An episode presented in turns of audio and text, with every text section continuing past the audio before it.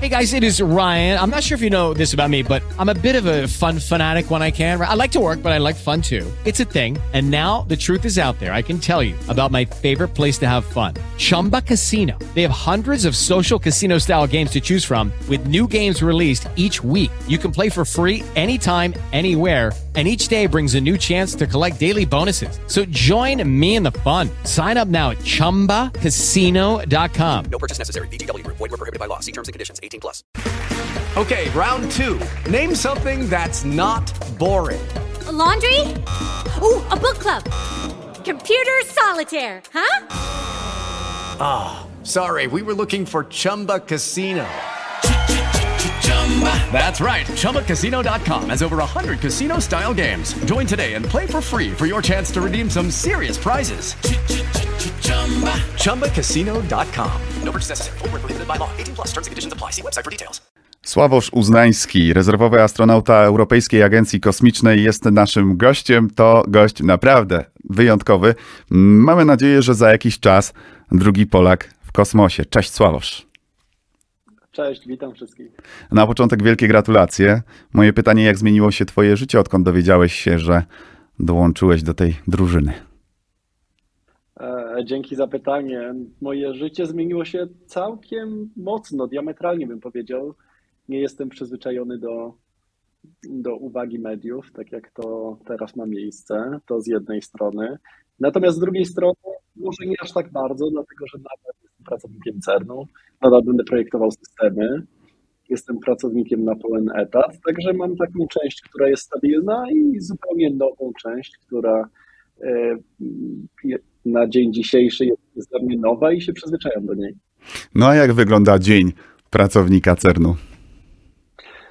Tak jak widzicie, za mną jest tablica, czasem coś na niej napiszę. E, Początek roku obliguje do nowych równań, ale tak naprawdę siedzę przed komputerem, jak również e, e, gdzie projektuję systemy elektroniczne razem z moim teamem. Jak oczywiście od czasu do czasu e, również jestem w centrum kontroli naszych akceleratorów, gdzie kontrolujemy czy to wielki zderzacz hadronów, czy inne akceleratory, które mamy w CERN. A kiedy rozpoczynasz szkolenie praktyczne, jeśli chodzi właśnie o drużynę ESA, y, jak w ogóle wygląda procedura? To jest bardzo dobre pytanie i nie do końca mogę na to pytanie odpowiedzieć. E, także e, na dzień dzisiejszy podstawowa piątka zacznie swoje szkolenie 1 kwietnia. Natomiast my, e, jako rezerwowi kandydaci, czekamy w tym momencie na telefon. Będziemy mieli pewne jakieś minimalne szkolenie roczne, roczne okresowe badania medyczne, Oczywiście będziemy opowiadać o technologiach kosmicznych e, na różnych takich eventach, jak w zeszłym tygodniu, czy w Warszawie, czy w Łodzi, czy w e, grudniu na Śląskim Festiwalu Nauki. E, Tak, i tyle tak naprawdę. Na razie to czekamy na więcej informacji. To jakie są opcje? Zdrać nam Międzynarodowa Stacja Kosmiczna, czy gdzieś może około księżycowa misja? Jak ty to widzisz? Jakie masz przecieki? No. Pierwsza opcja i pierwsza misja kosmiczna na pewno będzie na Międzynarodową sta- Stację Kosmiczną. Dla wszystkich. Mhm. E, Niezależnie już, czy ktoś z rezerwy poleci i kiedy poleci, ta pierwsza misja zawsze będzie na Międzynarodową Stację Kosmiczną. E, Oczywiście wszyscy chcielibyśmy być pierwszymi e, Europejczykami na Księżycu. Poprzednia selekcja z 2008 roku również. Także natomiast liczba miejsc jest bardzo limitowana i tutaj zobaczymy, co przyszłość przyniesie. No, y, mnie pociesza fakt, że twój e, dobry kolega Tomek Rożek e, w wywiadzie z nami powiedział, że masz bardzo duże szanse, więc oby, oby się e, sprawdziło. E, I No, muszę. Mam nadzieję, że Mm, Tomek się nie myli. Rzadko się myli. E, Muszę powiedzieć, że mamy też coś wspólnego, Sławosz. E, Nawet dwie rzeczy, bo obaj interesujemy się kosmosem. Oczywiście skala jest zupełnie inna. Ja amatorsko, ty bardzo zawodowo. Natomiast wyczytałem, że obaj kochamy góry. Mm, Często wędrujesz po górach? Kiedy tylko mogę, to staram się być w górach, także y, jak lubisz chodzić po górach, to zapraszam w Alpy i na pewno y, moglibyśmy gdzieś pójść razem. Ja słyszałem, że też Himalaje nawet. No, No, zdarzyło mi się też być w Himalajach. No ja na razie tatrzańskie szlaki mam przetarte, więc Alpy to chyba e, wyższa szkoła e, jazdy, ale tak myślę, że chyba to pokrywa się z tą taką potrzebą, chęcią eksplorowania czegoś. Tak, zdecydowanie. Zawsze lubiłem to robić i nadal to robię. A mogę powiedzieć, że w najbliższy weekend, ostatni weekend wróciłem z Polski, a podczas długiego weekendu w Polsce też byłem w Tatrach, e, na szlakach, które dobrze znam. E, zimowo nie wchodziłem nigdzie wyżej. E, troszeczkę żałuję, ale byłem nad Morskim Okiem, nad Czarnym Stawem Gosielnicowym. Trochę żałuję, że nie wdrapałem się na ten kościelec. No, ja byłem ostatnio w zeszłym roku latem, także wyczyn spory, ale myślę, że no, można sprawdzić się po pierwsze fizycznie, e, po drugie też psychicznie odpocząć i chyba to są takie rzeczy, które są też bardzo potrzebne kosmonaucie, czyli odporność psychiczna oraz e, takie fizyczne wytrenowanie, prawda? Zgadza się. Ja z tej strony fizycznej zawsze prowadziłem aktywny tryb życia, także tutaj nie mam problemu. E, może mam troszeczkę więcej powinienem uważać na ten odpoczynek, dlatego że mam tendencję do robienia za dużo. A gdybyś trzy razy wszedł na Mont Everest, to tak obliczyłem, e, że prawie jak na Olympic Mons na Marsie. No, to prawda. Oczywiście z tlenem. E, jak ty w ogóle zapatrujesz się, skoro jesteśmy przy czerwonej planecie, na możliwości ludzkie w kontekście eksploracji czy misji właśnie na Marsa? Oczywiście patrzymy na dzień dzisiejszy w stronę Księżyca.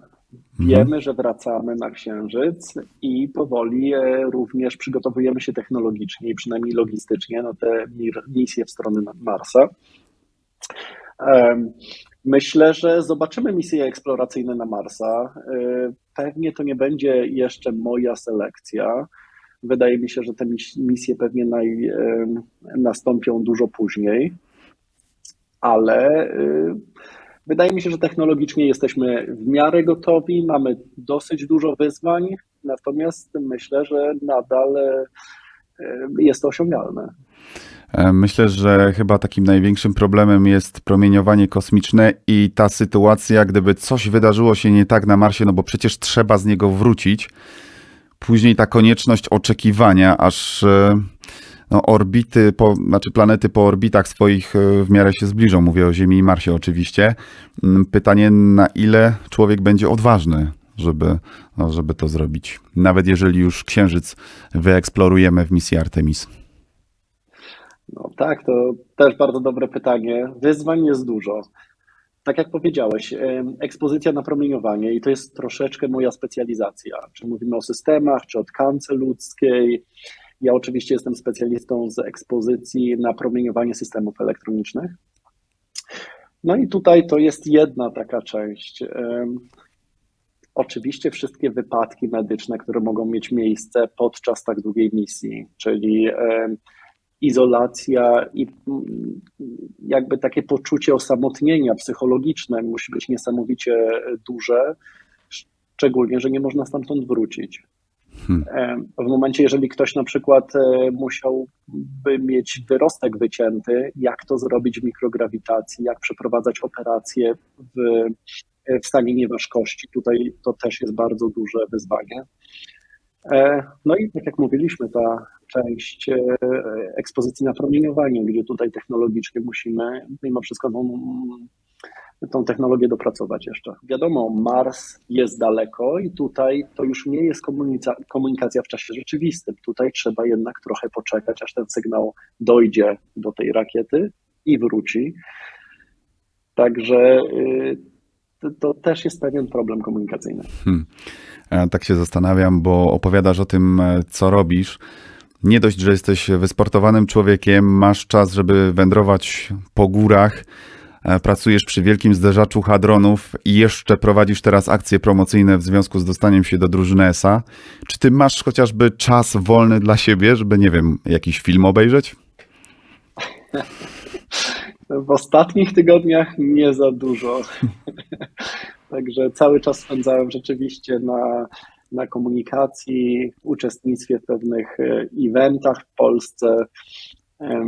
Również promowaniu technologii kosmicznych, rozmawianiu czy z dziećmi, z licealistami, czy ze studentami. I bardzo lubię tą część. No jak ty to widzisz, wśród E. młodzieży jest duże zainteresowanie astronomią? Myślę, że jest ogromne. Mhm. to, co zobaczyłem, i ja nawet nie byłem świadomy, bo oczywiście ja jestem zainteresowany kosmosem.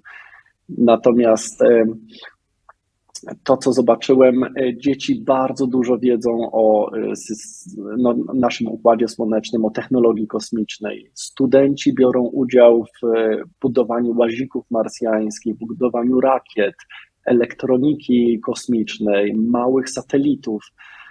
Także tutaj jest, wydaje mi się, że ogromne przełożenie. A jak ty widzisz perspektywy rozwoju polskiego przemysłu kosmicznego? Nasz przemysł się rozwija od 10 lat. My oczywiście wcześniej za pośrednictwem Centrum Badań Kosmicznych uczestniczyliśmy w, w misjach naukowych, natomiast od 10 lat posiadamy pewien przemysł czysto komercyjny, takim jakim dzisiaj jest niska orbita okołoziemska, satelity na tej orbicie i, i różna technologia, e, którą wysyłamy w przestrzeń kosmiczną. Myślę, że mamy ogromny potencjał w tym sektorze, który nazywamy downstream, czyli analiz danych z obrazowań satelitarnych czy pozycjonowania i, i powiedzmy bezpośrednio proponowania tych analiz dla rynku prywatnego czy zamówień publicznych. Mhm. I myślę, że tutaj też jest duża nasza szansa w Polsce. No myślę, że warto wykorzystać ten ogromny potencjał, o którym mówisz, bo to nie tylko rozwój astronomii, tego przemysłu kosmicznego, tylko w ogóle nauki. Zresztą naukowcy polscy są bardzo cenieni w świecie, ale czasami gdzieś pewne chyba puzzle nie są poskładane do końca tak, jak być e, powinny, ale to może rozmowa na inny temat. Ja tak podpytywałem cię o te filmy, już e, kończy nam się czas, bo masz za chwilę e, spotkanie, ale podpytywałem cię o te filmy, bo chciałem, żeby słuchacze poznali cię właśnie od takiej e, strony Sławosza po godzinach, bym tak powiedział. Masz jakieś swoje ulubione filmy? Podejrzewam, że science fiction, skoro e, E. interesujesz się kosmosem. Tak, tak. Bardzo lubię tą część em, kosmiczną. Lubię te filmy po- popularno-naukowe, czy w stronę technologii kosmicznych typu Marsjanin, Interstellar. E, Bardzo mi się podobał taki serial, który się nazywa The Expanse. I Mhm. nie wiem, jak brzmi polski tytuł.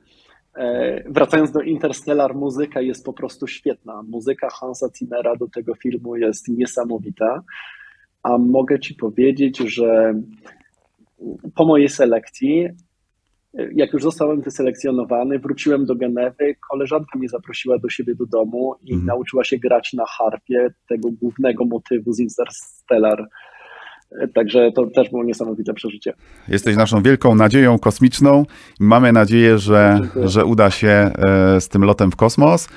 I mam nadzieję, że kiedyś na szlaku e, się spotkamy, także w górach. Pewnie, super. E, Dziękuję za rozmowę. Ja też mam nadzieję, że się uda. Tutaj oczywiście to będzie zależało od pewnego y, finansowania i czy rzeczywiście wejdziemy obiema nogami w, tą, e, w te zastosowania kosmiczne, będziemy budować technologie i załogowe loty kosmiczne. A jeżeli spotkamy się na szlaku, to super. Oby się udało. Sławosz Uznański, astronauta Europejskiej Agencji Kosmicznej, był naszym gościem. Bardzo e, dziękuję. No i e, czekamy na p- Państwa komentarze, na lajki e, pod tym filmem. Jeżeli chcieliby Państwo o coś zapytać e, doktora Sławosza Uznańskiego, to proszę śmiało. Być może jeszcze nadarzy się okazja, żeby ponownie porozmawiać. No to w takim razie miłego wieczoru. Dziękuję bardzo.